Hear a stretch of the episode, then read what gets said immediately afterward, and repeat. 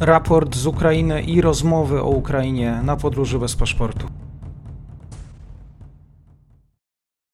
Dzień dobry Państwu, dzień dobry wszystkim słuchaczom, dobry wieczór tym, którzy słuchają nas w czwartek. Ze mną jest dzisiaj Pan Marek Meissner. Dzień dobry Panie Marku. Dzień dobry Panu, dzień dobry Państwu. Słuchacze zdecydowali, ciekawa nazwa na nasze spotkanie, Meissnerologia stosowana. Jak Pan myśli? Czy, no to... cóż, no, interesujące. Zobaczymy, jak to będzie wyglądało w praktyce, ale powiedzmy... tak. Wyobraża sobie Pan siebie w roli wykładowcy? Ciężkim... Wykładowcy, no kiedyś, kiedyś, w dawnych, dawnych czasach byłem nawet asystentem, ale to było już tak dawno, że nawet sam zapomniałem. E, dawałby pan popalić studentom swoim, czy raczej spokojnie? E, no to były takie czasy, że powiedzmy, no cóż, bywało różnie, zwłaszcza, że to było polowe. Ale teraz się, potem się bardzo wiele zmieniło, no i no i być może właśnie wracam z powrotem, tylko że w innym stylu. Mhm. A gdyby dzisiaj pan wrócił, dałby pan y, y, y, pomysł na zajęcia już pewnie by się jakiś znalazł, rozumiem. Pomysł by się na pewno znalazł, tylko problem polega na tym, że to już jest zupełnie inne, zupełnie inni ludzie i zupełnie inne czasy, także można powiedzieć, że byłoby to spore wyzwanie, no ale Właściwie dlaczego nie? Jasne, to, to, Zobaczymy. Będziemy obserwować, kibicować. E, e, mówi Pan e, o starych czasach, stare czasy również w związku z sytuacją tak. na froncie, sytuacją na wschodzie. Rosja w swojej polityce przez kilkadziesiąt lat niezmienna. Rozpoczniemy dzisiaj od tematu, który, na który też Pan wskazywał.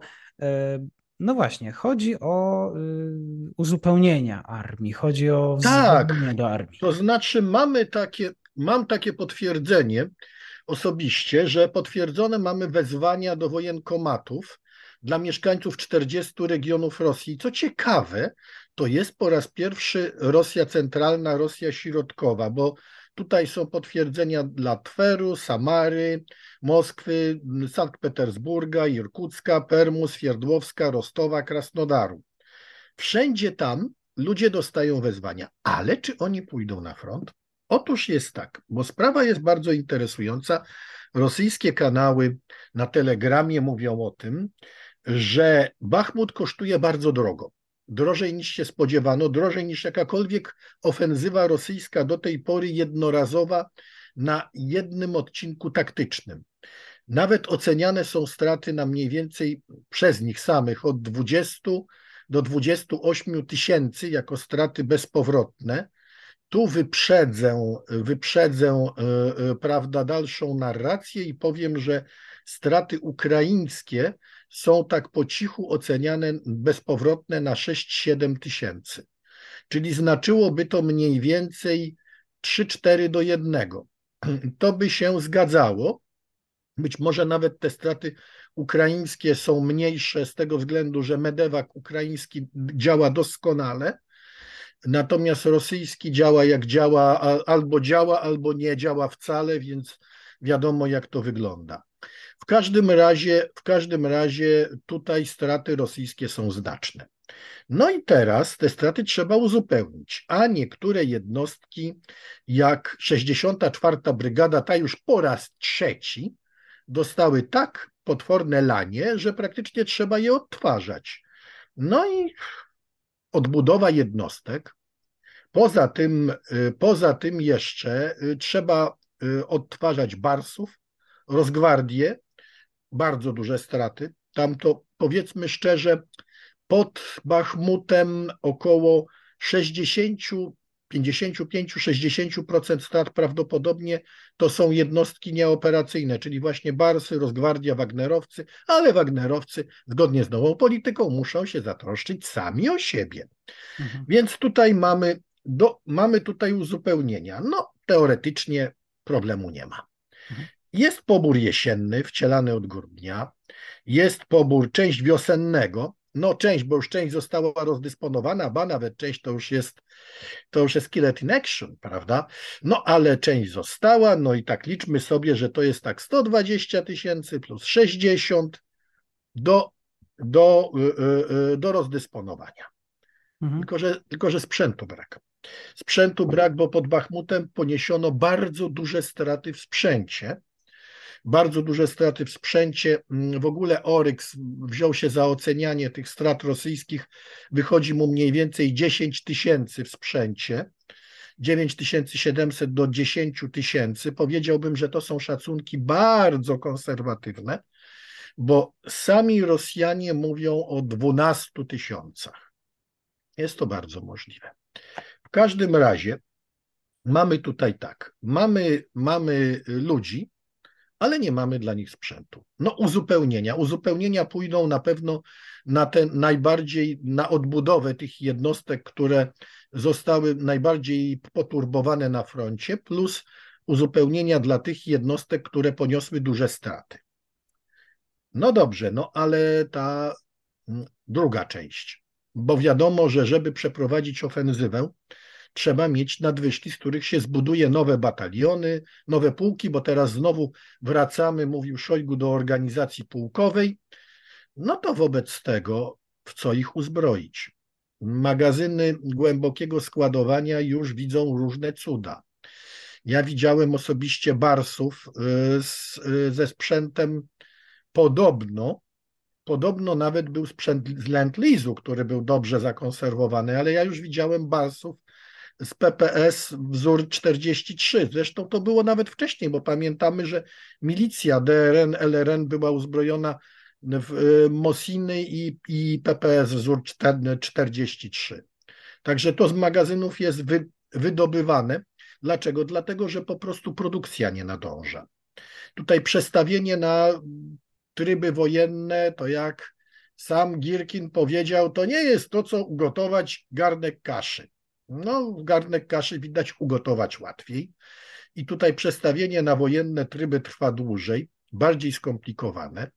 Tu należy odnotować dzisiejszego Putina, który powiedział, że y, tym razem oligarchowie z własnych zasobów będą musieli sfinansować wszelkie badania i wszelkie możliwości pozyskiwania nowoczesnych technologii. No wyobrażam sobie, jak się cieszą, bo zdaje się, że y, główna część ich majątku w tej chwili pójdzie na zasilanie wojny. No ale trzeba odnotować, że państwo rosyjskie się praktycznie jako organizacja wymiksowało z pozyskiwania nowych technologii, a chce je mieć. No, jak to będzie wyglądało, to mm, sami wiemy. Drogi przerzutu via Chiny, via Indie, via różne dziwne spółki, których no zresztą w tego typu działaniach oligarchowie rosyjscy są dobrzy. Ale wróćmy do tych naszych poborowych. Wróćmy do tych naszych poborowych, bo jeżeli Gierasimow powiedział, że potrzebna jest nadwyżka, którą się teraz wyszkoli i uzbroi w, w miarę napływu uzbrojenia, przy czym to już te pepesze i, i, i te mosiny raczej nie będą, to oznacza, że po to się tych ludzi powołuje. Oni będą teraz wyszkoleni jako taka lekka piechota. Część być może pójdzie na uzupełnienie strat ofensywy wiosennej, o ile ofensywę wiosenną da się w ogóle przeprowadzić. A tutaj będą mieli, Rosja będzie miała taką jakby rezerwę aktywną pierwszego i drugiego rzutu. No, co to znaczy? To znaczy, że ktoś tam myśli. Znaczy, że ktoś tam myśli i myśli o tym, że y, to, co się stało z y, pierwszym poborem, tym takim poborem dzikim, czyli wpuszczanie tych ludzi w mięsne szturmy, nic nie dało. Czyli trzeba mieć chociaż trochę lepiej wyszkolonych. No to się będzie szkoliło. To się będzie szkoliło i uzbrajało w miarę napływu uzbrojenia, co już jest takim słowem wytrychem bo to znaczy mniej więcej tyle, że uzbroi się w to, co będzie. A uzbroi się w to, co będzie. No, wiemy, że był Miedwiediew w Artiemowsku, czyli tym zakładzie, który remontuje mm, T-62M i tam była mowa o 800 czołgach. Filmy pokazywały też bardzo ciekawe eksponaty, które tam są remontowane i przywracane, czyli BWP-1. Y, ale także mm, BRT, BRT 50P, czyli coś z lat 60. Oczywiście była, takie były miesiąc, półtora temu stwierdzenia, że być może Rosjanie to będą przerabiali na takie rosyjskie Borgwardy albo Goliaty, czyli SW-BIT, czyli bomby. Mhm. No ale po, po, pierwsze, tu by się rzeczywiście przydał samobójca, a wątpię, czy oni znajdą takich, co to by chcieli od razu ginąć za Ruś ale y, poza tym sterowanie czymś takim kłopotliwe, może się przydarzyć, że y, y, eksploduje, ale nie tam, gdzie trzeba.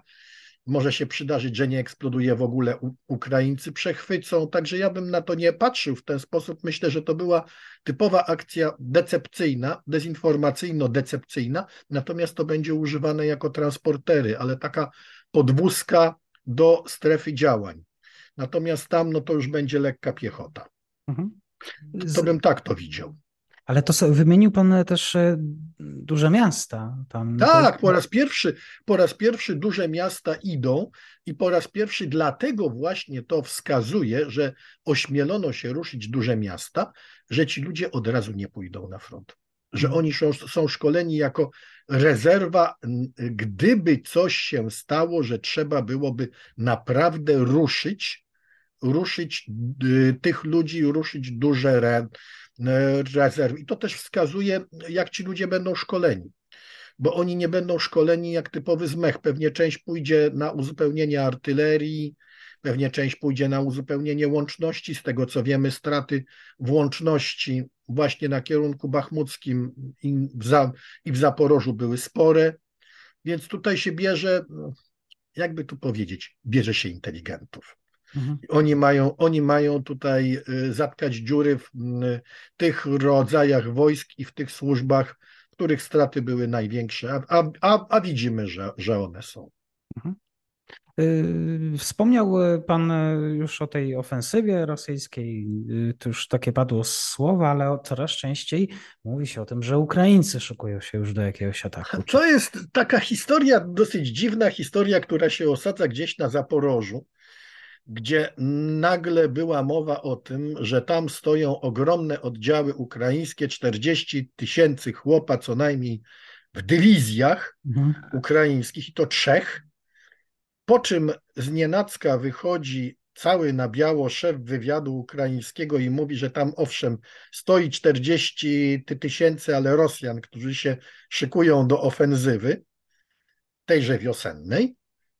I dowiadujemy się z nienacka, też z nienacka, że y, nastąpiły tam rajdy jednostek ukraińskich, które są z trudem odpierane, po czym ukazuje się film, z którego widać, że w okolicach Połoch taka próba rozpoznania poniosła całkowitą klęskę.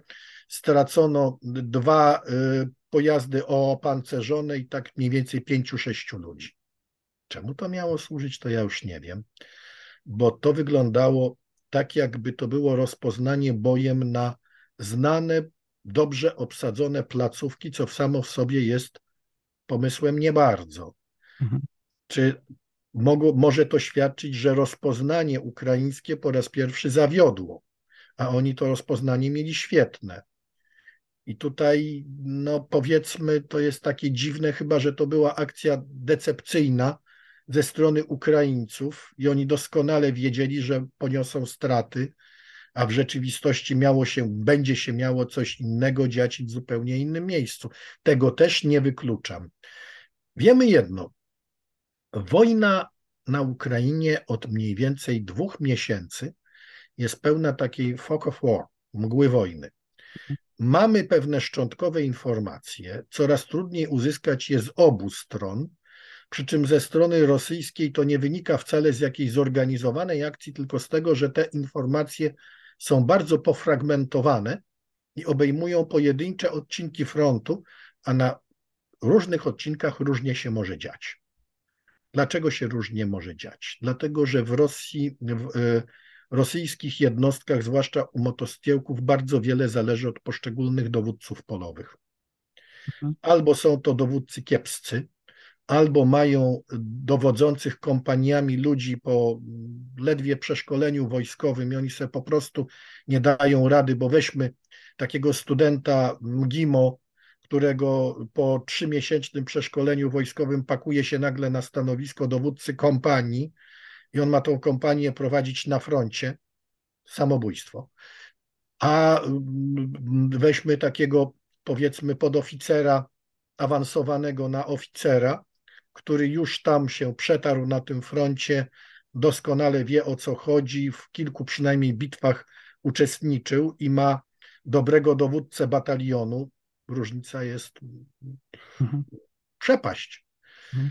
I dlatego myślę, że to tak wygląda, jeżeli chodzi o wojska rosyjskie, jeżeli chodzi o Ukraińców, no to oni bardzo często stosują y, takie, mm, bardzo często stosują takie działania decepcyjne i stosują mm, ukrywanie nie dość, że prawdziwych intencji, to jeszcze ukrywanie dyslokacji mhm. poszczególnych oddziałów. No to już jest praktycznie mhm. od czasów Charkowa y, y, norma. Jeżeli jesteśmy w tej infosferze, ja wiem, że pytałem już o to wcześniej, ale co tam się dzieje aktualnie na Krymie? Bo dużo informacji na temat, że Rosjanie się właśnie tam okupują. No to było, ale to, to jest odbicie tego, co się działo na, na, na plażach, że tam wykopano zasieki, y, prawda, y, y, dwie linie przeciwdesantowe. W tej chwili, że rozpoczęto mm, kopanie transzei, okopów, no jak się przyjrzałem tym filmom, to to takie bardzo lekkie umocnienia. Praktycznie rzecz biorąc, nie wiem czemu to ma służyć, bo ani to, to, to są jakieś takie pozycje, praktycznie powiedzielibyśmy językiem amerykańskim, że to nie są ciągłe pozycje, tylko jakieś takie outposty i niepowiązane w, jak, w jednolity szereg umocnień czy tran, transzei ze sobą nie wiadomo, czemu to ma służyć. Może ma służyć y, uprzedzeniu samych rosyjskojęzycznych mieszkańców, że w razie gdyby to Krym będzie broniony, mhm. Ale tutaj znacznie bardziej mnie co innego interesuje na tym froncie, mianowicie wzrost ostrzału artyleryjskiego miejscowości w regionie sumskim. I te informacje mm, szefa y, SBU, że grupa armii jest w okolicach Woronerza, rosyjska, i że być może chodzi o nowy atak na Charków. I ten ostrzał artyleryjski by to uprawdopodobniał. Z drugiej strony Rosjanie też się nauczyli decepcji, czyli może być, że rzeczywiście ostrzał jest, ale ten ostrzał nic nie znaczy poza próbą ściągnięcia sił ukraińskich w tamten rejon i, i, i ewentualnego ataku w innym miejscu, no, albo nawet ataku odciążającego, a ofensywa z, z, z zupełnie innej strony. Co wiemy na pewno? Na pewno wiemy, że Białoruś jest wyłączona. Tak jest. Wbrew temu, co się mówiło, wbrew temu, co Białoruś jest wyłączona, a nawet więcej. Łukaszenka podejmuje manewry, które no, dosłownie y, do białości wkurwiają Kreml. Tak. Czyli wizyta u Si, wizyta u Ajatollahów. No, no patrzyłem pracuje, na te obrazki, byłem pod wrażeniem. Pracuje na niezależność chińskim stempelkiem. A to już musi bardzo denerwować Kreml, tym bardziej, że Si za moment przybywa z wizytą przyjaźni i to będzie wizyta bardzo chłodna, wręcz lodowata, po tym jak oni potraktowali, jak Rosjanie potraktowali ich najważniejszego dyplomatę, czyli Wang Yi, czyli po prostu zlekceważyli go. Mhm. A Xi jest bardzo czuły na tego typu afronty, a, tym, a w tym momencie, jak wiadomo, Rosjanie występują w roli petentów. Tak. A i przecież jeszcze były rozmowy, trwały. Minister spraw zagranicznych Ukrainy, Dmytro Kuleba, ze swoim chińskim e, odpowiednikiem, dyplomatą, rozmawiali też e, o sytuacji cytuję tutaj no, nawet w znaczeniu tak, zasady integralności terytorialnej. Tak, no to był oczywiście mały policzek dla Moskwy, a problem polega na czym innym i to prasa chińska ogródkami już stwierdza, media chińskie. Te anglojęzyczne, no bo chińskiego jednak nie znam, to nie jest zbyt prosty język. One stwierdzają, wojna naruszyła podstawę, podstawowy plan eksportu chińskiego, czyli plan pasa i szlaku. Tam praktycznie nic z tego nie zostało. Nie można puścić przez Kazachstan, nie można przez Republiki Środkowoazjatyckie, Rosja całkowicie zablokowana, no to Chińczycy bardzo ostro pracują nad tym, żeby y, zamrozić ten konflikt. Mhm. Bo to co, to, co proponują Chińczycy, to jest to, co powiedział singapurski States Times, czyli mogliby sobie darować, bo to jest praktycznie rzecz biorąc rosyjski plan, który Chińczycy podpisali. Więc, więc tutaj, tutaj chińskie pośrednictwo to jest, to jest no, tworzenie sobie alibi i próba stworzenia odbudowy inicjatywy pasa i szlaku. Mhm. Panie Marku, zanim wrócimy jeszcze na nasze polskie podwórko, to jeszcze spojrzenie na Bachmut, e, aktualna sytuacja na 16 marca. Lekkie siły już są tylko w Bachmucie i to wcale nie ma ich wiele. I moi ukraińscy przyjaciele mówią, jeżeli Rosjanie postawią artylerię w Chromowe, trzeba się będzie z Bachmutu zwijać. Dlatego były te ataki na Chromowe. Jak wiemy, to powodzenie było 50%, to znaczy Rosjanie są we wschodnim Chromowe, w zachodnim nie. Jeżeli Ukraińcy będą dalej stosować uporczywą obronę, to Chromowe prawdopodobnie czeka los Marinki, czyli zachód ukraiński, wschód rosyjski, między nimi ziemia niczyja i następne tygodnie, nie daj Boże, miesiące walki o taką ruinę, a praktycznie o coś, co przypomina krajobraz z IPRO z roku 1916. Jest. Także tutaj no, na południu sytuacja jest lepsza, od strony północnej nie wygląda to dobrze. Mhm. Dobrze, chociaż że dalej a, ataki na Awdijiwkę Rosjanom się nie, nie powiodły, bo nie powiodły się, to już widać, duże straty. Mhm. I biorąc pod uwagę jeszcze sytuację na głębokim południu, patrząc na to w związku z tym, o czym rozmawialiśmy ostatnio, Naddniestrze ucichło nam i sytuacja wokół Mołdawii. Tam protesty tylko, chyba dzisiaj tylko, partii Szor. W ogóle, w ogóle no to Szor musi, y, y, musi jakoś swoje istnienie uzasadnić, prawda? No przecież oni dali ultimatum, że rząd ma rząd ma pokazać y, y, sposoby zrekompensowania podwyżek i to tam było do dnia następnego, do godziny 13. Rząd nie pokazał, Szor się nie odezwał, czyli teraz partia Szor musi walczyć praktycznie rzecz biorąc o, o uznanie. No, pucz się okazał papierowy. No, właściwie trudno się dziwić, bo ten pucz nie mógł mieć wsparcia nie mógł mieć wsparcia z Naddniestrza, nie mógł mieć wsparcia z zewnątrz. Inicjatywa się rozlazła. No, możemy się spodziewać podobnych, znaczy podobnych, możemy się spodziewać tego typu ruchów w republikach środkowoazjatyckich, ale, ale plotki krążą w Kazachstanie, że nagle zaktywizowała się, aktywizowało się kazachskie MSW i zatrzymało, co ważniejszych rosyjskich aktywistów. Ciekawy zresztą artykuł ukazał się w Kamiersancie, gdzie jest Bajkonur, prawda? I mhm. gdzie Rosjanie praktycznie osadzili większość swoich technologii kosmicznych w Kazachstanie. A tutaj komersant mówi, że trzeba pomyśleć o nowej lokalizacji w centralnej Rosji. Ma pomyśleć, już ją budować szybko, mhm. bo z Kazachstanem to sytuacja jest płynna i może być różnie. Tak, tak. I oni ten kosmodrom mogą na przykład, jak stwierdził jeden y, z analityków, nie po, nie po imieniu wymieniany, oni na przykład mogą komuś wylizingować ten kosmodrom w domyśle komuś z zachodu. Mhm. Oczywiście. E, ostatnio Putin miał e, mówić częściej właśnie e, o kosmosie. Pojawiał się nawet kosmos w, w ramach tematów zimnej wojny. Takie, tak, tak mówił Putin, cytowany przez rosyjskie media. No i oczywiście w tle pojawia się to, co właściwie Władimir Putin zrobił z rosyjskim programem kosmicznym. No to prawda.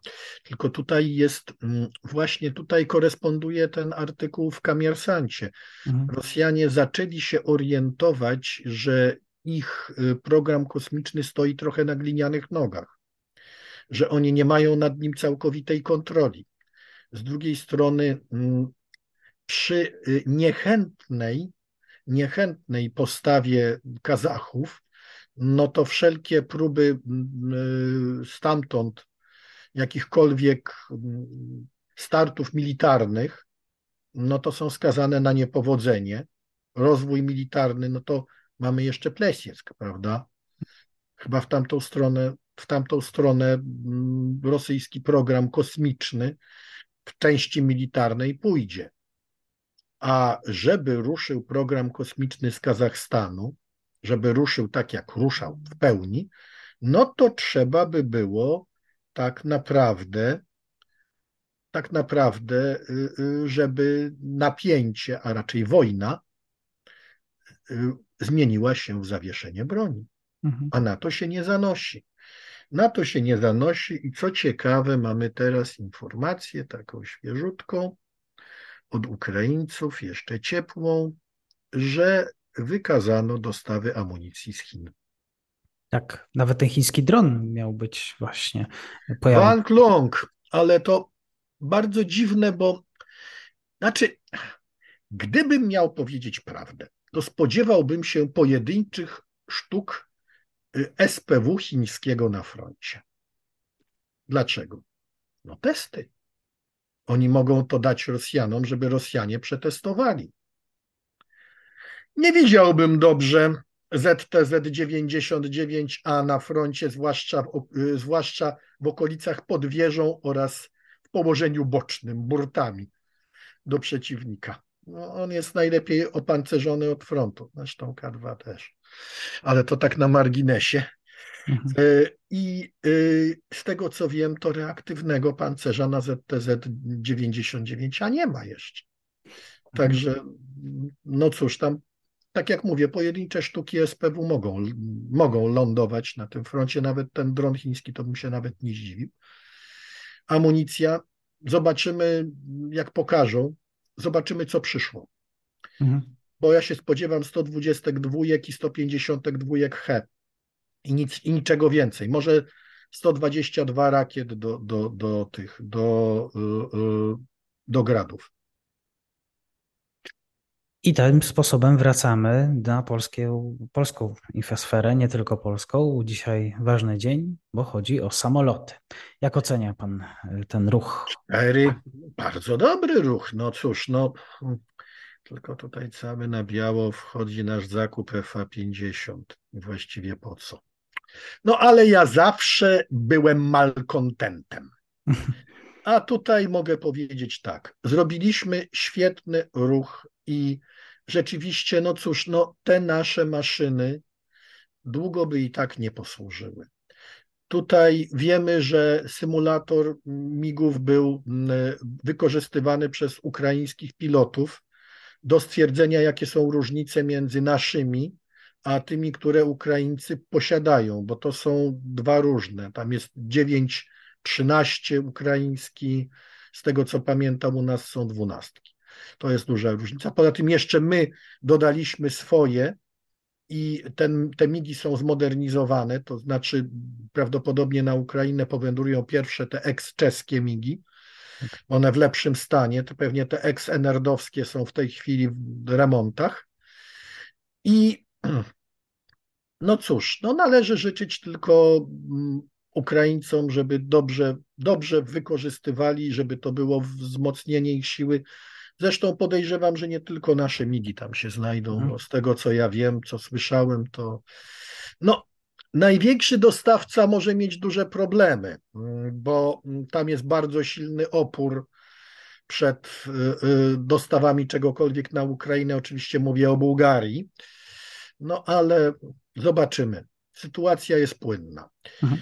Dobrze, dobrze tam jeszcze jest druga rzecz, która mnie bardzo ucieszyła, czyli te zamówienie, no na razie niewielkie, bo na 20 tysięcy sztuk, ale jednak groty. Groty dla mm, armii ukraińskiej. Podobno to ma być dopiero pierwsze zamówienie, oby tak było, oby to było duże zamówienie. Widać, że groty A2 jednak się na Ukrainie spodobały i z tego, co słyszałem, spodobało się, spodobała się najbardziej ich uniwersalność, czyli mogą praktycznie strzelać wszystkim, co jest w danym kalibrze, czyli także nabojami, no cóż, takimi trochę gorszymi.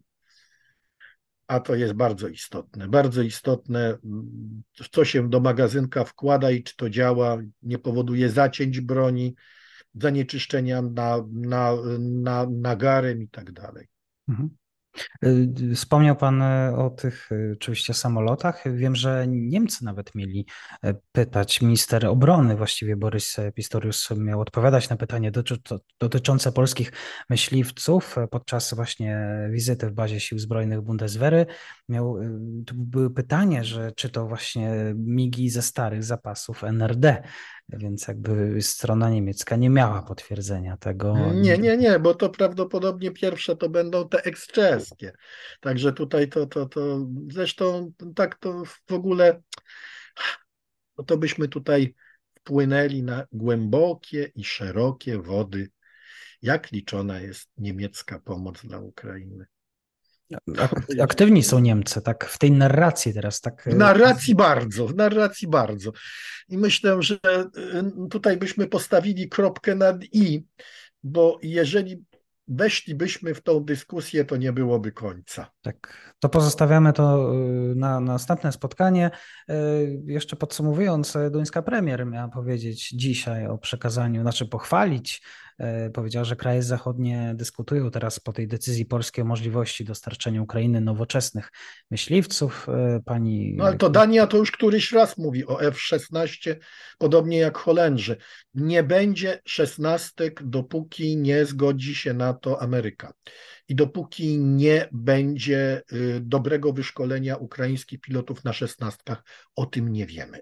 Mhm. O tym nie wiemy. Być może takie szkolenie już jest. Być może one już jest na którymś określonym etapie. Ale, ale, postawmy duże ale. Problemy wewnętrzne Ameryki. Tutaj by należało chyba nasze osobne spotkanie temu poświęcić, bo tu y, moje wrodzone malkontentstwo i trochę pesymizmu znajduje dosyć dużą pożywkę. Powiedzmy szczerze, Ronald Reagan przewraca się w grobie.